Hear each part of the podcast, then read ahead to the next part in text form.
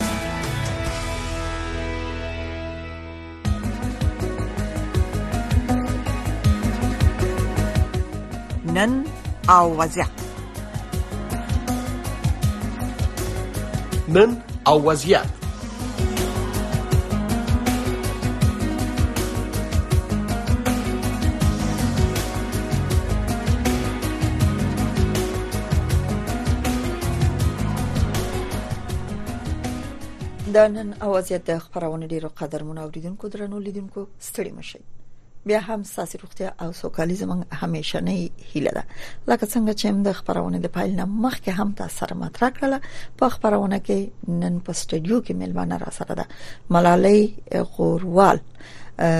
خبرياله ده چې اوس افغانستان نه بهر اوسېږي نن سټډیو کې را سره ملمنه شوې ده په افغانستان کې به د خزینه خبريالانو په ضرورت د نشټون په تشي او همدارنګه د خبريالانو په وضعیت د افغانستان بهر د خبريالانو په وضعیت او دوی ته پیښ غوښنه په افغانستان کې دا ټول هغه مسایل دي چې تاسو به د ملالۍ غوروال نه ځوابونه واوري ملالۍ جان ستړي مشه ستړي ته السلام علیکم زه هم خپل سلامونه تاسو ته او تاسو د خبرونه ګرانو لیدونکو ته وړاندې کوم هله ده چې د نړۍ له هر ځای څخه چې زموږ لیدونکو او اوریدونکو دي خې شي به خورځي ولري او هیله لرو چې تاسو هم سټډیو کې موږ سره خېشي به ولرئ ډیره مننه چې راغلی یاست ملالې جانې د پښتنو پایل به د اساس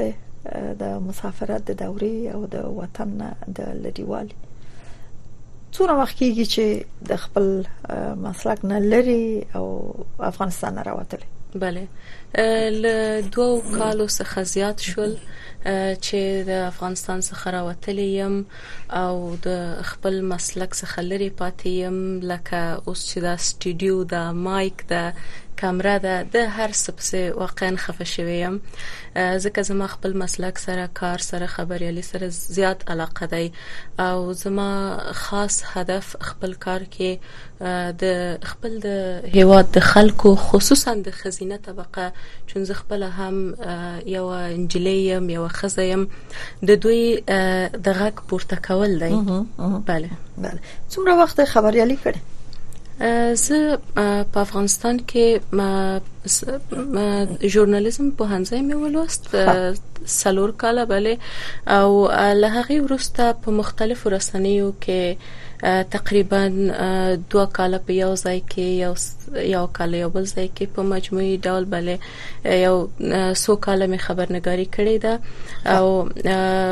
په همدې شکل زه ما ادامه ورکوله دوام می ورکوو چې حکومت بدل شو شرایط سخت شول د ډیرو بخې خبرم په ګل بدل د حکومت د بدلیدون یعنی د طالبانو د راتګ نه ورسته څومره وخت لپاره په افغانستان کې وای زه سمدستي ترکیه ته تللی وم چې حکومت بدل شو او په آخر وختونو کې تر دې د مخه چې حکومت سقوط وکړي جمهوریت نو په آخر وختونو کې خبريالانو ته ستاسو بشایت په یاد وي چې وضعیت سخت شوی وو غواخونه زیات شوی وي او مشهور مشهور سيري حتی لمنځه وړل کېدل نو په کوم رسنیو کې چې مونږ کار کوو هغه مونږ مخصوص خزو ته کار کوو نو هغه رسنۍ هم ډیری تر غواخ لاندې وي کې د شي چې نو واخلې کوم رسنۍ سره تاسو کار کوئ مشخصا بله ما ځان ټلویزیون سره کار کوو د خامه پریس سره مې کار کوو چې مونږ ډیر غوخیدلو او ټول خبريالان پر دې فکر و چې یو ماقتی چاره ځان ته پیدا کړي تر څو چې د حالات بدلون ومومي اما مونږ متوجي شول چې حالات له بد او بدتر شول خا خلک اوس چې لری یاستئ د افغانستان او تاسو چې حالات بد بتر شول تاسو په دې یو تلویزیون کې کار کوو چې خبرونه مطلق د خزو د پاره وي اول خزو د پاره د خبرونه څومره ضرورت وو خزه د پنړې کې کوم په نړۍ کې هم ډیر خپل غا کوم حقوق یې چې دي تر اوسه حتی د نړۍ په کچه یې ترلاسه کړي نه دي بیا پاتې افغانستان کې خزي چې کوم دي افغانستان کې د خزو وضعیت ډیر بد حالت کې دی او تر دې د مخه هم ستونزې زیاتې وي د خزو پر مخ مثلا هغه ته کورنیو د زده کړو لپاره اجازه نه ورکوله او ډیر په مشکل څخه په ټولنه کې هم له ډیرو ستونزو سره مخامخ وو تر څو خپل دندو ته ولاړ شي درس وایي نو دا ټول هغه ستونزې وي چې په رسنیو کې ضرورت و چې پر دې بحث شوي وي پر دې خبرې شوي وي او د دوی غږ پورته شوي وي تر څو چې کورنۍ په دې پوه شوي وي چې خزي په ټولنه کې یو برخه لري برخه لري یعنی افغان خزه احساس په نظر چې آگاهی ته یا د پوهاوی یا روزنیزو پروګرامونو او آگاهی لپاره ډیرو خبرونه ته یعنی ضرورت وو خپل د خزو موجودیت څومره ضروری دی او چې باید پر رسنیو کې خزي همدغه اصل ته په کتو چې خزي ضرورت لري هغه هاي د پاره په هوی د پاره bale په افغان خزو کې یو تعداد خزي وی چې هغوی آگاه وو درسونه ویلي وو خپل زده کړې تر لوړو زده کړو ماستري او حتی ډاکټري تر کچې رسولي وو او یو تعداد هغه خزو تعداد چې لوړې زده کړې کړې وي مونږ مونږ تاسو ته معلومه ده چې کم و د هیواد په کچه او هغه مسؤل وو چې د هغه خزې چې ل ژوندانه ل مهمو برخو څخه ورسته پاتې وي هغه ته کار وکړي هغه آگاه کړي خپل حقوق څخه له دې څخه چې هغوی هم په ټولنه کې ونډه واخلي د ټولنې یو مهم برخه دي نو په دې اساس ضرورت ډیر احساسېده خصوصا هغه خزې چې یو اندازه زده کړې کړې وي هغوی زما په نظر ډیر مسول وو او اوس هم bale اوس هم چې له هواده بهر راوتلې دي په یو شکل په یو ډول احساس د مسولیت کوي bale تاسو وایي چې د اړتیا د مخې باید خزو پر اسانۍ کې کار کړی وي بله اوس دا تشه څنګه ګوري طالبانو په خزو باندې محدودیتونه وضع کړی دي دوی په تلویزیون کې په دغه رقم نه ښکاری دغه سکار دي نه کوي خبريالي ساحه محدوده ده بالکل ورځ په ورځ فرمانونه صادريږي چې زمونږ باس پر اسانه یو کې د خزو وانډه ده اوس چې خزه نشته دی څنګه څه تشګو فکر کوي چې شته دی بله خبر اول غواړم په لومړي کې د خبريال په حق لا یو څه وایم خبريالان خو د ټولنې غږ دي خبريالان هغه کسان دي چې د ټولنې درد او ستونزې احساسوي او دا د هغوی دنده ده چې دا په قلم ولیکي او یا هم په تصویر راوباسي نو د فعلی وضعیت کې چې خبريالان په ډیرو محدودیتونو سره مخامخ دي نو فکر وکړي چې د هغه ټولنې خزې چې دومره ستونزې لري هغوی د پاره سوک نوي چې دا غوي غږ راپورته کړي ترسو چارواکي او نړیوال ورڅخه خبر شي نو واضح دی چې تشه ډیره زیاته ده او دا حالت څه فکر کوم که په دغه شکل ادامه ورکړل شي نو افغان خزي به په مجموعي ډول له صحنې څخه بیرون راووزي بله بله ډیره مننه ملالي جان تاسو خپل ویل چې زه خپل د کار ارمان درځي کار مو پریخه دی ولري د وطن نه اوسېږي تاسو سره خامخا تاسو نور ملګری وو د افغانستان نه لري هغه ژوند د هغه وضعیت څنګه دغه حالت چې ګوري چې رسنۍ باندې د عمر محدودیتونه دي خصوصا د خزو په برخه کې محدودیتونه وځدي کوم ضرورت چې د ټولنې هغه ته رسیدګی نه کیږي ځکه میډیا یا رسنۍ د وی ټولنې سترګې دی او د ضرورت دی د معلوماتو د رسولو یوازنۍ وسیله ده که هغه چاپی که بصری که غږیزي په هر رقم چی څه وي دا غوي ژوند الته څنګه دی بله د خزینه طبقه هغه طبقه ده چې دوی خصوصا خبريالانه دوی په حکومتونو سره کار نه لري دوی نه وایي چې د دوی سیاست دا ډول وي یا دا ډول وي دوی فقط هغه خپل اساسي حقوق ته ضرورت لري چې دوی خپل هغه اساسي حقوق ته ورسیږي لکه زده کړه مکتب پوهنتون کار دا هغه اساسي حقوق دي چې دوی غواړي ورته ورسیږي او هغه خبريالان چې تاسو وویل اوس په محدودیتونو سره مخامخ دي هغوی حالت واضح دی ډیر ښکاره دی چې ډیر بد دی او یو انسان فکر وکړي که خپل دندې څخه لری پاتې شي څومره ورته سخته ده هغه زیاتره خزي خپل د کور خپل د کورنۍ حتی د رزق د راوړلو مسولیت یې لرو نو هغه خپل دندې نه لرې پاتې دي بله یعنی مقصد مې د بهرنیو هیوادونو کې د دوی میشتیدل او د بهرنیو هیوادونو برخورد دی د دوی سره ځکه دوی د طالبانو د ویر نه چې دوی د ګواخ سره مخ دي ډیر خبريالان راوتلي دي د افغانستان خو کله کله داسې برخوردم کیږي مثلا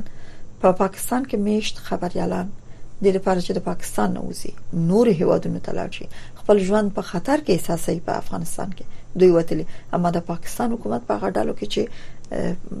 افغان کډوالو باسي دوی هم شامل کړي دي بله د دوی ژوند ته فکر کوي څومره خطر متوجه دي دوی دغه برخوردونو په اړه مثلا په کوم هیواد کې چې تاسو یې هغه ترکیه و د حکومت برخورد د خبريالانو سره څنګه او تماس کې وای نه وای څه په اصطلاح وایم چې کیسونم د بهر ته د وټول یعنی اکثرا په ترکیه کې پات کیږي ډیری به غواړي چې د غزنه وزي موقتی الته دغه چلند دوی سره څنګه متاسفانه افغانان سره لدی چې په خپل کورنیو چارو کې له ډیرو بدبختی او کړهونو سره مخامخ دي گاونډي هوادونه او د منطقي هوادونه هم افغانان سره زیات مناسب چلند نه لري او یا به شاید د هغوی سیاستونه داسې وي چې افغان کډوال ونه مني نو په پاکستان کې ځینې افغانان خصوصا خبريالان چې هلته خپل دوستي ورکړي دي چې په اروپאי او امریکایي هیوادونو تراشي هغه هم منتظر دي او اوس خو داسې خبرونه هم مونږه اورو چې هغه هم له پاکستان څخه راوباسي نو د ګاونډي هیوادونو چلن ډیر ښه نخ کاری راته او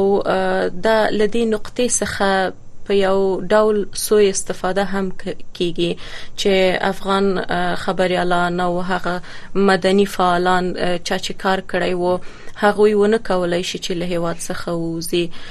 نو زما په نظر هغوی الته په ډیر بد حالت کې دي حتی ویزه هم خلاص شوې دي د زیاترو اړ دي چې بیرته له هغه څخه ووزي او تاسو ته معلومه ده چې دا دوسیه چې دوی په بهرني هیوادونو کې ورکړي دي دا ډیر وخت نیسی چون تعداد هغه کسانو چې خپل اپلیکیشنونه ورکړي دي هغه ډیر ده بله بله ملالي جان دی وی خبريال په توګه چې خپل د کار او مسلک سره د مینه د علاقه چې ډیر زوري د محل بله دا محل د په افغانستان کې د خونځیو نشتون د پوهنتونونو نه شتون او د کار د زمينه نه برابرېدل او نه شتون یې واقعا ډېر مې زوري کله چې مونږ کابل کې وو هغه وخت کې ځینې ستونزې چې مونږ لیدل لکه ځینې کورنۍ چې ما مخکې هم ویل خپلې خزینه طبقه یې دندو ته نه پرې خودل او یا هم ځینو خويندو د کار په محیطونو کې د کار په ساحو کې ځینې ستونزې درلودې مونږ اړتیا لرله چې هغه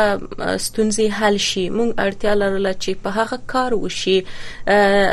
د دې په فکر کې اصلا مونږ نه و چې له هغه څخه هم حالت سخت شي او هر ستونزه زما په نظر د حل لاره لري اما حل لاره یې باید مناسبه اوسي د ستونزو د حل لاره دا نه و چې بندیز ولګیږي حل لاره یې دا و چې باید د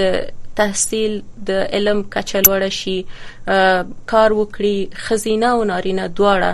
باید پر دې پوه شي چې خزه د ټولنې یو مهمه برخه ده او ورته واضح وایم د انسان په سترګه وکتل شي اوس چې لک حالت ول رقم دی تاسو د مایل خلاف دی تاسو غوندې په میلیونونو جونی او خزه د اوسنی حالت نه ناراض دي فکر کوي چې د دې حالت د بدلون لپاره څه پکار دي بله د دې حالت بدلون لپاره د لکه چې د ټولنه کې ناورین راځي لکه سیاسي، ټولنیز، اقتصادي هر نوع نو دي حالتونو بدلون لپاره یوازنۍ حل لاره د زده کړې دی. زده کړه، علم، تحصیل که په دې شیانو ډیری توجه وشي او اوسنۍ حاکم حکومت پر دې پوه شي چې زموږ د نجات لاره صرف زده کړه ده او موږ باید ښځینه طبقې ته د دې زمینه برابره کړو چې دوی زده کړې وکړي نو په هغه حالت به بدلون راشي او که په همدې ډول زده کړې څخه لري پاتې شي دندې نه لري پاتې شي او ښځینه طبقه له صحنې څخه راوېستل شي نو بدلون ډیر خنخ کاری الیجان یو پښتنه مې ذهن تراغله د ښځو په بحث کې د طالبانو د حاکمیت نه وروسته یوازنۍ ګله شکوه نارضایتي چې څرګندېږي د طالبانو نه په نړیواله سطح په داخلي سطح او په فردي توګه هغه د جنو او د خزو د کار او د تعلیم مسله ده څه فکر کوئ چې د طالب سره ستونزه د خزو خصوصا د خزو په بحث کې یوازې د مکتب او د کار ده د سره تاسو مخکې ویل چې که دوی غواړي مثلا چې کامیابی ته ورسیږي بله. باید مکتبونه ده فکر کوي چې زړه مکتبونه سبا خوشی شو پانتونو ته اجازه ورکړ شو خزه هم په خاص شرایطو کې چې طالبان وایي چې یو اسلامي شرایط همغه سي برابر شي مشکل حل دی طالبانو سره فعلا چون مونږ د خزو په برخه کې خبرې کوو زه bale زه وایم چې یعنی مشخصا د خزو مشکل فکر کوي چې حلی کې نور خزي چې کله بیرون راوځي کله چې زده کړې وکړي دند تر سره کړي ورو ورو دا حالت امکان لري چې بدلون پیدا کړي بلې ځکه چې هر څه وخت ضرورت لري او حد اقل حد اقل دروازې پرې خوشي شي چې هغوی خپل لار پیدا کړي لکه په تیرو شلو کلونو کې مونږ متوجي وو چې په لومړیو کې څومره ستونزې زیاتې وي خزي جرأت نه کول چې تلویزیونونو ته ولاړ شي اما په آخر کلونو کې زیات خزو علاقه مندي خودله نو که دوی ته لار پیدا شي دوی خپل خپل لار پیدا کوي ښه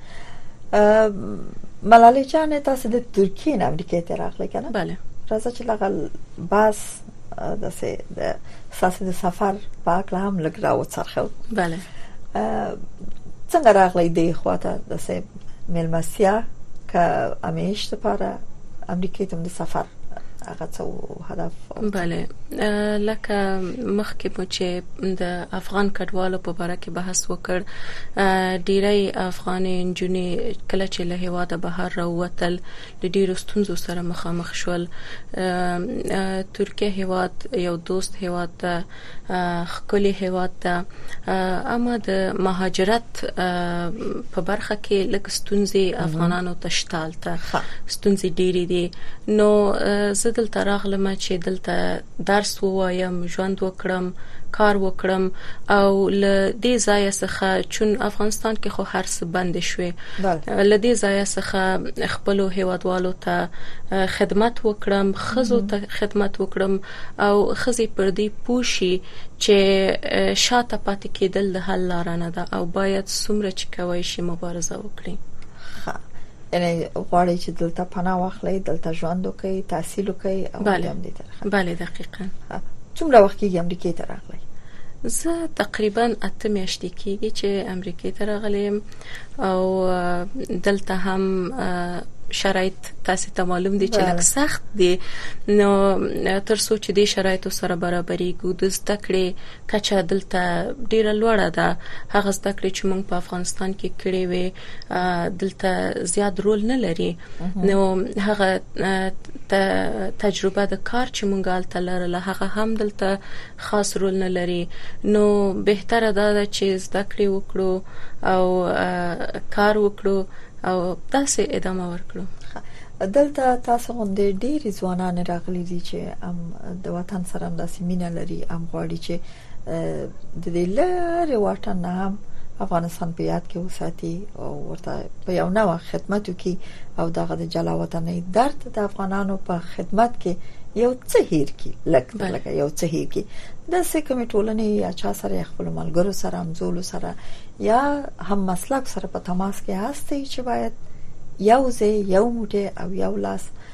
خپل هدف ته ورسیږي یعنی اهداف خپل تعقیب کړئ بله زما زیات هم مسلکان له هواده وتلی دي په مختلفو هوادونو کې تقسیم شوی دي دلته هم راغلي دي په تماس کې یم خو چون ټول نوي راغلي دي تر اوسه لا هر یو د خپل په جنجالونو او کړهونو کې بوخت دي او داسې یا داسې کوم مشخصه برنامه مو لا نه ده نیولې ان شاء الله په آینده کې که د خدای رضا او بیا به پر دې د دې پاړه به خبرې وکړو او فکر به پی وکړو چې افغان انجونې واقعا څه شي ته زیات اړتیا لري کوم آگاهی ته اړتیا لري او د جنونو ترڅنګ یو مسله زمونږ هیر نشي چې افغان سړیان هم آگاهی ته اړتیا لري ځکه چې که خزي خپل حقوقونه خبر شي سړیان باید هم پوښي چې دا خزي دي دوی په ټولنه کې حضور لري دوی د ټولنې برخه دي او نیم قشر د ټولنې دي باید هغه ته هم برنامه وسی تر څو آگاهي پیدا کړي یعنی په ټوله کې په افغانستان کې د آگاهي برخه یا د پوهاوی برخه چې یوازنۍ او لوی وسیله د رسنیو مختلف مختلف پلیټفارمونه دي چې هغه غږیز دي که چاپی رسنۍ دي که تلویزیونونه دي په هر رقم چې ټولنه اړتیا ورته لري غیر د غینه د نړۍ د وصلت لپاره افغانستان یو هیواد دی چې نړۍ سره یو وسله ته ضرورت لري خو هغه څنګه کې دي شي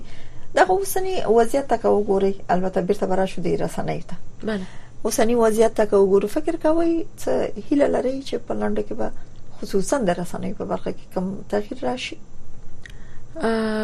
دا ټول دې پورې اړه لري چې څومره اوسنی حاکم حکومت دې ته لیوالتیا لري، څومره آمادګۍ لري چې دوی ومني، ومني چې ښځو ته لارې چارې خلاصې کړي. بله، ښځو ته یا نارینهوو ته په ټوله کې د رسنیو په مورد کې مې پوښتنه وکړه. اوس محدودیت پر رسنیو بله هغه کې خزه کار کوي کناري نه کار کوي د بیان ازادي څومره زپی مثلا که یو رسنۍ د طالبانو په ضد یا یو انتقاد په ضد نه یو انتقاد پیوشي طالبان نه مني خپل دغه وضعیت څومره مسلک ته صدمه رسي مثلا دا ډول چلند چې اوس طالبان کوي د رسنیو په مقابل کې بله سرنګ چې مونږه د د خبريالي ل اړخه پويګو سانسور په یو رسنه کې د سده چې ته د یو د مطبوعاتو سترګه د د سانسور په قلم وهي او رندوي مطبوعاتو رندولو معنا ورکوي نو د مونږ که فکر وکړو د خبریالي د اساس او بنیاد د خبریالي دنده کار څه شی دی؟ د خبریالي دنده کار د خلکو پوهاوی دی، د خلکو خبرول دی، له چاپیریال څخه، له اجتماع څخه نو کله چې په دې کې سانسور واوسي د خبریالي دندې هغه هغه رسالت یې سوال لاندې ځي، سوال لاندې ځي ځکه چې ته تاسو خیر څه غواړئ چې وکړئ کله چې هر څه د یو ډلې یا د یو حکومت په ذوق ووسی نو واضح دی چې یو خبرنګار یو خبريال نشي کولای چې په آزاد توګه خپل کار پر مخ ويسي او کله چې د بیان ازادي نوي او پر مخ یې خندونه وي او کله چې یو خبريال ونه کولای شي چې په آزاد توګه خپل نظر ابراز کړي د ټولنې ناخوالي ولیکي یا په تصویر وو باسي نو آزادې بیان واضح ده چې د ګوخ لاندې ده اوس چې دغه مسایل ته تاسو اشاره وکړه چې د بیان ازادي د رسنیو سانسور دغه ټولو نه خبريالان او رسنۍ شکایت لري بله. په سلګونه خبريالان د افغانستان نه وتلي دي امدغه څومره د رسنۍ په ډګر کې تاسو تشه ګوري او د رسنیو راتلونکي ستاسو له نظره یو ځوانه جلې وی چې کار د کو رسنیو ته بیا مې چې تاسو غونډې په سلګونه خبريالان او خبريالان وتلی د افغانستان د افغانستان د مطبوعاتو یا د رسنیو راتلونکي څنګه ګوري په دغه اوسنی وضعیت کې بله اوس مهال خوشبختانه یو مسله ده چې د سوشل میډیا یا ټولنیزې رسنۍ ټولنیزې رسنۍ چې کوم دي دا نن سبا ډیر په وده کې دي او ک د نن افغانستان کې رسنۍ باندې بندیزونه دي هغه خبريالان او دوستان چې له افغانستان بیرون راوتلي دي